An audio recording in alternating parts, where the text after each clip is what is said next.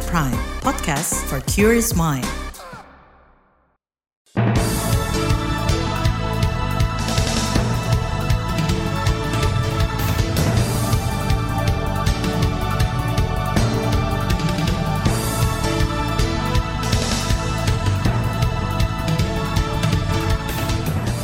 Selamat pagi saudara, senang sekali kami bisa menjumpai Anda melalui program Buletin Pagi edisi Selasa 20 Juni 2022. Saya Naomi Liandra. Sejumlah informasi pilihan telah kami siapkan di antaranya. Erick Thohir janjikan gebrakan di kompetisi Liga 1. Pemerintah diminta jangan lepas tangan soal biaya perawatan pasien COVID di masa endemi. Lukas NMB didakwa terima suap dan gratifikasi 45 miliar lebih. Inilah Buletin Pagi selengkapnya. Terbaru di Buletin Pagi. Saudara Ketua Umum PSSI Erick Thohir menjanjikan sejumlah gebrakan di kompetisi Liga 1 untuk mencegah mafia sepak bola mengatur skor pertandingan. Salah satunya dengan mendatangkan wasit dari Jepang. Kita juga sekarang punya standar ya sesuai dengan aturan AFC 5 pemain non Asia ya, satu pemain Asia tetapi khususnya tahun ini saya bilang kalau kita mau jadi liga nomor satu di Asia Tenggara, ya kita peruskan pemain Asia Tenggara terbaik yang main di Indonesia gitu. Jangan justru pemain-pemain Indonesia main di Liga Asia Tenggara. Kalau dia main di Liga Asia atau di Liga silakan. Kalau kita mau ninggirin standar kita. Masa negara sebesar ini Liga sepak bola yang nomor 6 di Asia Tenggara loh. Ketua PSSI Erick Thohir juga akan menggunakan teknologi VAR di setiap laga Liga 1. Selain itu, sebanyak 22 stadion akan direnovasi dengan anggaran hampir 2 triliun rupiah. Renovasi itu sekaligus sebagai tindak lanjut dari cetak biru transformasi sepak bola Indonesia yang disodorkan PSSI ke FIFA. Sedangkan terkait pemain, Erik ingin menerapkan standar Konfederasi Sepak Bola Asia AFC, yakni membolehkan lima pemain asing dan satu pemain Asia. Saudara Liga 1 musim 2023-2024 akan bergulir Sabtu 1 Juli mendatang. Laga perdana bakal mempertemukan juara bertahan PSM Makassar kontra Persija Jakarta. Sementara itu, Direktur Utama PT Liga Indonesia Baru, Ferry Paulus, menekankan tak hanya transformasi, tetapi butuh revolusi untuk menciptakan kompetisi sepak bola Indonesia yang profesional. Ferry mengklaim restrukturisasi internal sedang berjalan seiring beberapa terobosan inovatif. Tujuannya demi menaikkan gengsi Liga Indonesia. Sedih rasanya memang kalau kita tengok ke belakang bahwa Liga Indonesia ada di ranking 8 dunia 8 Asia itu 2003, 2004, 2005 ya. Dan nomor 2 di Asia Tenggara di bawah Thailand. Hari ini kita berada di ranking 6. Miris dan sangat menyedihkan. Direktur Utama PT Liga Indonesia Baru, Ferry Paulus, menjelaskan teknologi VAR akan digunakan pada Februari 2024.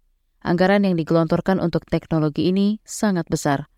Kata dia, format Liga 1 akan diperbaiki antara lain dengan menghadirkan seri reguler dan kejuaraan. Ada 306 pertandingan di seri reguler selama 34 pekan. Klub berperingkat 1 sampai 4 berhak berkompetisi di seri kejuaraan seperti kejuaraan Asia dan turnamen AFC. Saudara, langkah Erick Thohir mendapat kritik dari anggota Komisi Olahraga DPR Andreas Hugo Pareira, terutama soal wasit yang didatangkan dari Jepang. Politikus PDI Perjuangan ini mendukung Liga 1 menggunakan wasit lokal, tetapi diperkuat kapasitasnya melalui pelatihan dan pemberian insentif. Hal ini guna mencegah para wasit terlibat dalam pengaturan skor pertandingan.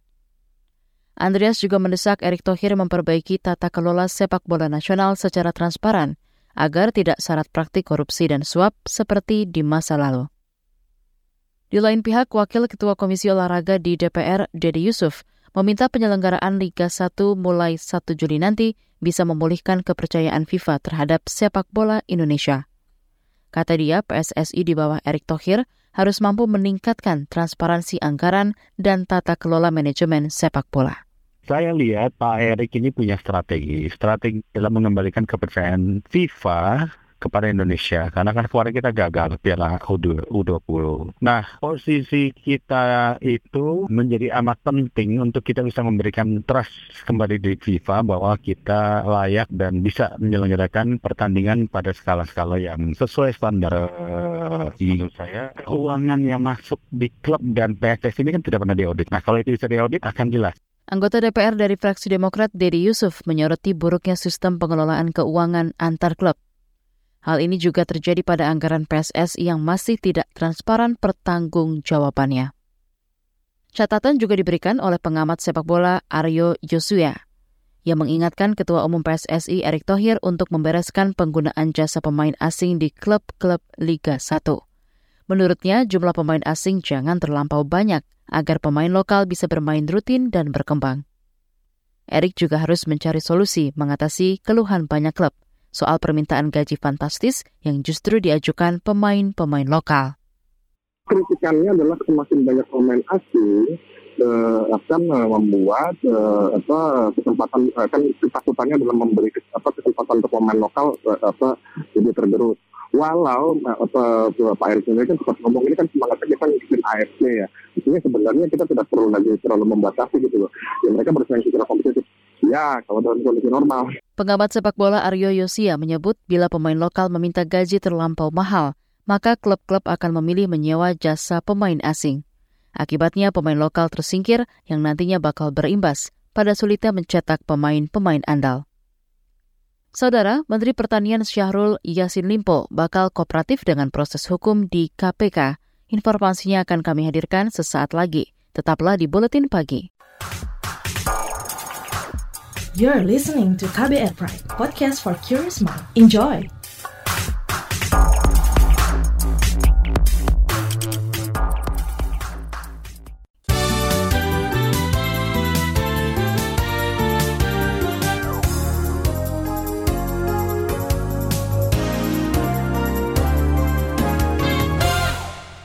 Anda sedang mendengarkan buletin pagi KBR. Saudara, isu Papua menjadi bahasan dalam pertemuan antara Wakil Presiden Maruf Amin dengan Wakil Perdana Menteri Vanuatu Jothan Napat. Maruf menerima kunjungan kehormatan Napat beserta delegasi di Istana Wakil Presiden kemarin. Menurut juri bicara Wapres, Mas Duki Baidlowi, dari pertemuan itu diharapkan tidak ada lagi kesalahpahaman antara kedua negara tentang isu Papua. Ini adalah hal yang bagus saja terutama bagi kita karena ada hubungannya dengan apa saudara kita dan dari Papua supaya uh, apa tidak salah faham karena ada kampanye-kampanye yang tidak baik terhadap berbagai negara terutama negara di negara-negara Asia Pasifik. Pembahasan isu Papua bergulir setelah sebelumnya Vanuatu jadi salah satu negara yang kerap mengkritik Indonesia soal di forum internasional. Bekas Perdana Menteri Vanuatu Bob Lougham misalnya pernah menuding Indonesia melakukan pelanggaran HAM di Papua. Kita ke soal hukum. Menteri Pertanian Syahrul Yasin Limpo memastikan bakal kooperatif mengikuti proses hukum di Komisi Pemberantasan Korupsi KPK. Hal itu diungkapkan Syahrul usai diperiksa tiga setengah jam terkait dugaan korupsi di Kementerian Pertanian kemarin. Hari ini saya memenuhi panggilan itu secara baik. Dan Alhamdulillah panggilan ini sudah jalan dan saya sudah diperiksa secara profesional, saya terima kasih dan saya tetap akan kompromi, akan kooperatif, kapan pun dibutuhkan saya siap hadir. Seperti ini apa aja di dalam itu oleh tim penyelidik KPK?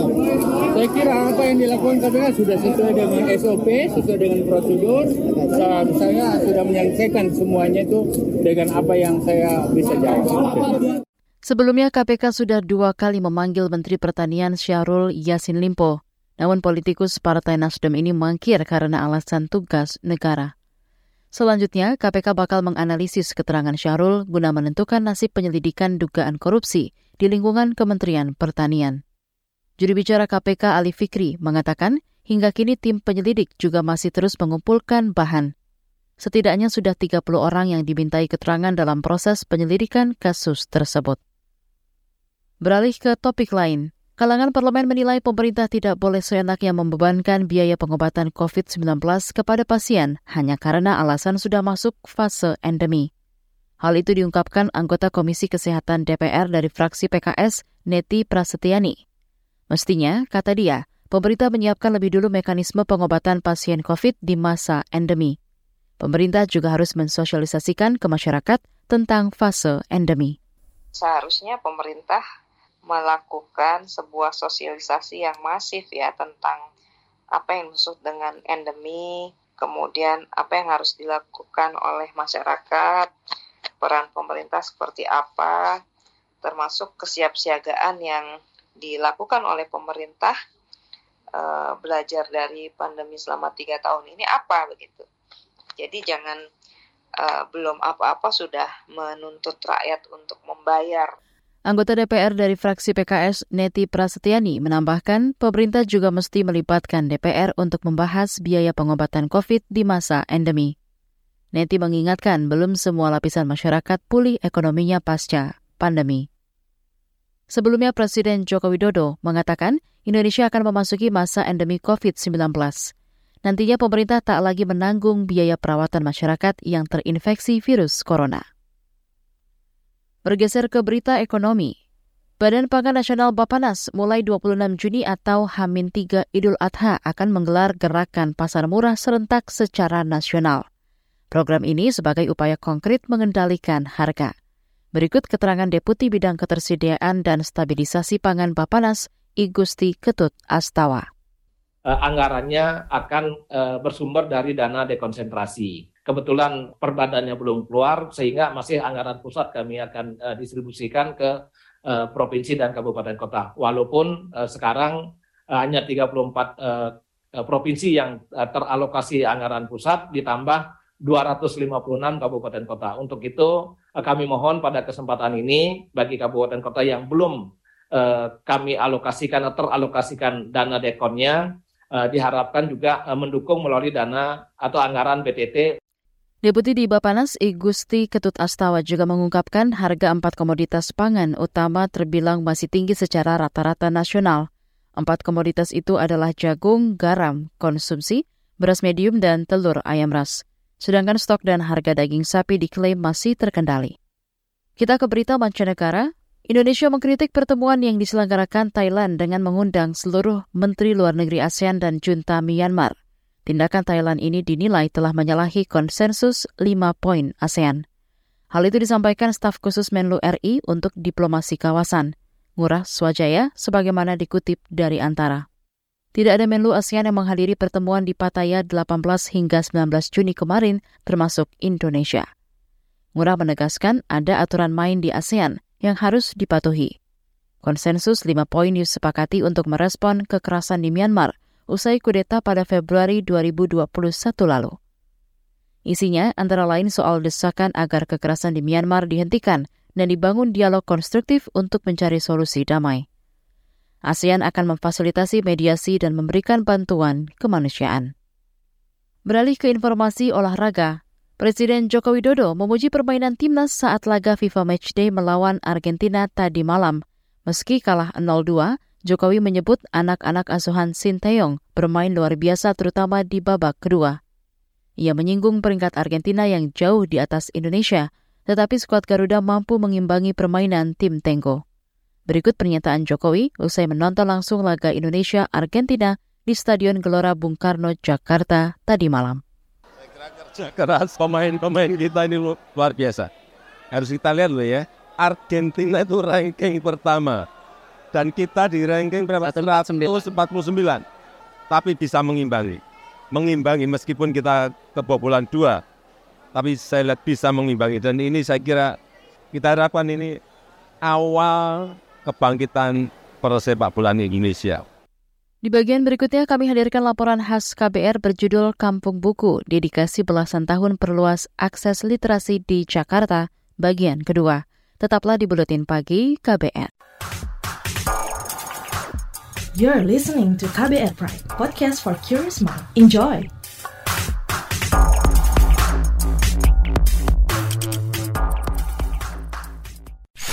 Commercial break. Commercial break. Sepasang kekasih yang terpaut usia hingga 61 tahun di Subang. Ini bukan hal baru. pernikahan dini juga Kawin anak terus terjadi, sering kali menjadi viral, bahkan jadi bahan guyonan dalam kemasan berita yang sensasional. Seorang gadis berusia 18 tahun. Seolah ini bukan masalah. Tapi, bagaimana rasanya kawin ketika masih di usia anak? Gimana sih perasaan saya tuh sebenarnya hancur waktu itu. Hancurnya bisa naik sekolah Ya, pengen banget sekolah lihat orang. Saya ajak kamu mendengar langsung suara mereka yang dikawinkan di usia anak. Ibu sama bapak tetap paksa untuk menikah. Saya tidak bisa memenuhi impian bapak ibu. Saya Malika, ini adalah Disclose, serial podcast investigasi dari KBR. Yang penting saya mau ningkain cita-cita Disclose, dipaksa kawin. Bisa disimak di KBR Prime, Spotify, dan aplikasi mendengarkan podcast lainnya.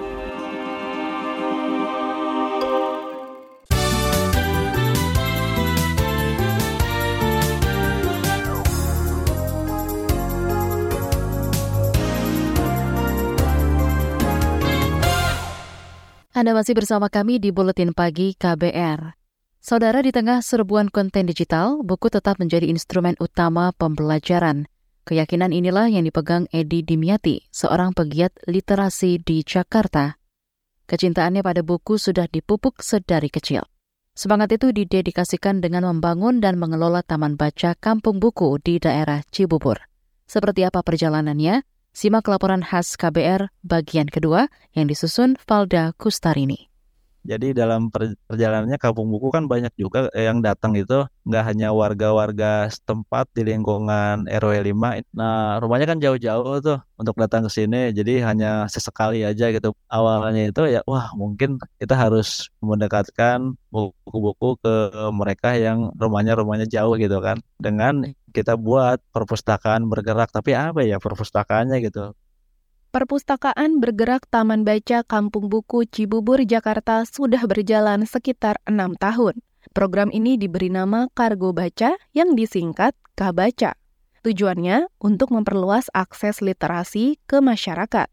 Akhir pekan, Edi Dimyati, sang pengelola, berkeliling dari rumahnya di Jakarta Timur, mengayuh sepeda sambil membawa buku-buku. Kotak berwarna hitam ditaruh di bagian depan sepeda untuk menaruh ratusan buku sebenarnya kargo baca ini jadi media komunikasi sih untuk mengawali pembicaraan, untuk mengawali menuntaskan misi kampanye literasi itu gitu. Jadi intinya harus dikemas semenarik mungkin biar orang-orang senang gitu. Moda sepeda dipilih sekaligus untuk mengkampanyekan hidup sehat dan ramah lingkungan. Ada kan ya pemerintahan tuh mobil pustaka kan, terus motor juga ada. Kalau sepeda kita ada misi yang lain sih sebenarnya yang ngajak teman-teman tuh aktivitas pola hidup sehat lah. Nah kita juga minimal yang mengurangi polusi gitu kan. Kalau yang dekat-dekat lah kalau bisa bersepeda lah gitu. Edi bisa saban pekan ke kota tua, membuka lapak baca gratis. Tak jarang pria 44 tahun ini beratraksi yoyo untuk menarik anak-anak datang berkunjung. Emosi dulu yang harus didekatkan gitu pun dengan anak-anak nggak hanya orang tua gitu jadi harus ada kedekatan dulu nih kita ngobrol dulu nah, dari dari sana kalau udah dekat misi yang kita ingin sampaikan insya Allah bisa diterima jadi butuh proses gitu nggak bisa langsung kayuhan sepeda kabaca kian jauh Berbagai kota di Jawa Barat pernah dikunjungi saat Hari Aksara Internasional 2017 silam. Selama 11 hari, Edi bersepeda dari Jakarta bersama tiga rekannya dengan membawa 200 buku. Mereka kerap berhenti di tempat publik seperti taman kota dan sekolah untuk membuka lapak baca.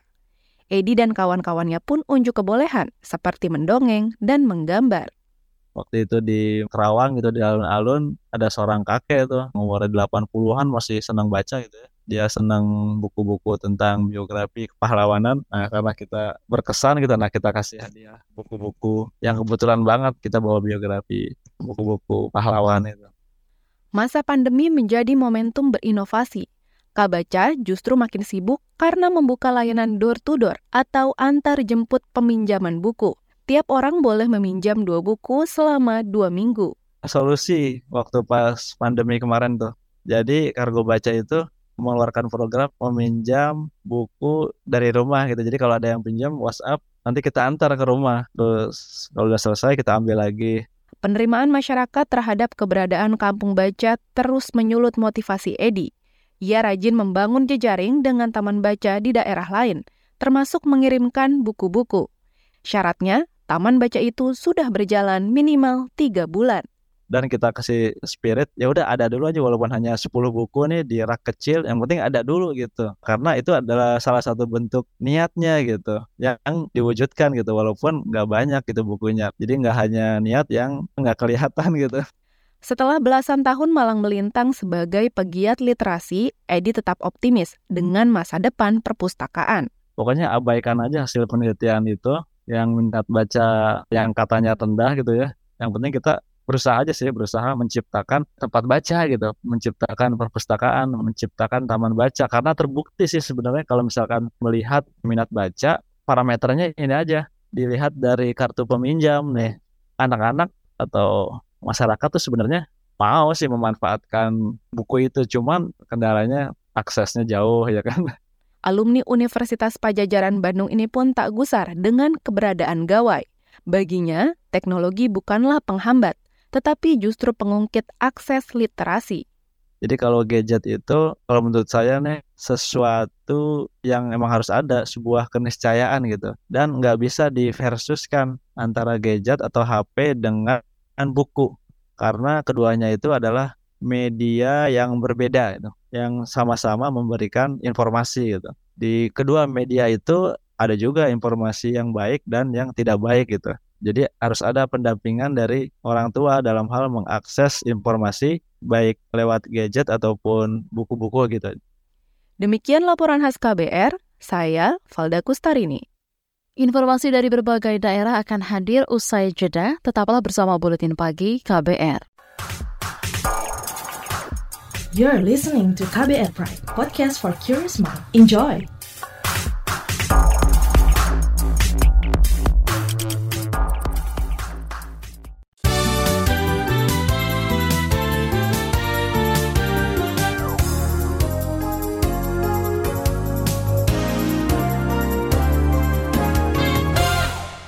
Inilah bagian akhir buletin pagi KBR. Gubernur nonaktif Papua Lukas NMB didakwa menerima suap dan gratifikasi lebih dari 45 miliar rupiah. Lukas diduga menerima suap dari pengusaha Piton Enumbi selaku bos PT Melonesia Mulia dan Rijanto Laka, pengusaha alat kesehatan dan farmasi. Keduanya diketahui merupakan tim sukses Lukas saat pemilihan gubernur Papua. Hal itu disampaikan Jaksa Penuntut Umum KPK dalam sidang perdana di Pengadilan Tipikor, Jakarta kemarin. Padahal diketahui atau patut diduga bahwa hadiah atau janji tersebut diberikan untuk menggerakkan agar melakukan atau tidak melakukan suatu dalam jabatannya, yaitu hadiah tersebut diketahui atau patut diduga diberikan agar terdakwa Lukas NMB selaku Gubernur Provinsi Papua periode tahun 2013-2018 dan 2018-2023 bersama-sama dengan Michael Kambuaya selaku Kepala Dinas Perumahan Umum atau PU Provinsi Papua tahun 2013-2017 dan Gerius Oneyoman saat pembacaan dakwaan suap dan gratifikasi 45 miliar, Lukas langsung menyela dan membantahnya. Hakim langsung memperingatkan Lukas. Saudara dalam perkara ini Direktur PT Tabi Bangun Papua Rijatono Laka sudah lebih dulu difonis bersalah menyuap Lukas. Majelis Hakim menjatuhkan hukuman 5 tahun penjara dan denda sebesar 250 juta, subsider 6 bulan kurungan. Gubernur Jawa Barat Ridwan Kamil membentuk tim khusus untuk melakukan investigasi ke Pondok Pesantren Al Zaitun di Indramayu terkait dugaan ajaran menyimpang. Tim terdiri dari unsur Kementerian Agama, MUI, Ormas Islam, Kejaksaan, dan Kepolisian. Mereka akan bekerja selama tujuh hari. Emil menekankan pentingnya menyelamatkan santri Al-Zaitun yang jumlahnya ribuan. Kita ke Jawa Tengah. Pemerintah Kota Solo bakal menindaklanjuti kasus penolakan pembangunan rumah ibadah di Kecamatan Banjarsari. Informasi tadi menutup jumpa kita di Buletin Pagi hari ini. Pantau juga informasi terbaru melalui kabar baru situs kbr.id Twitter at Berita KBR, dan juga podcast di kbrprime.id. Saya Naomi Liandra bersama tim yang bertugas undur diri. Salam.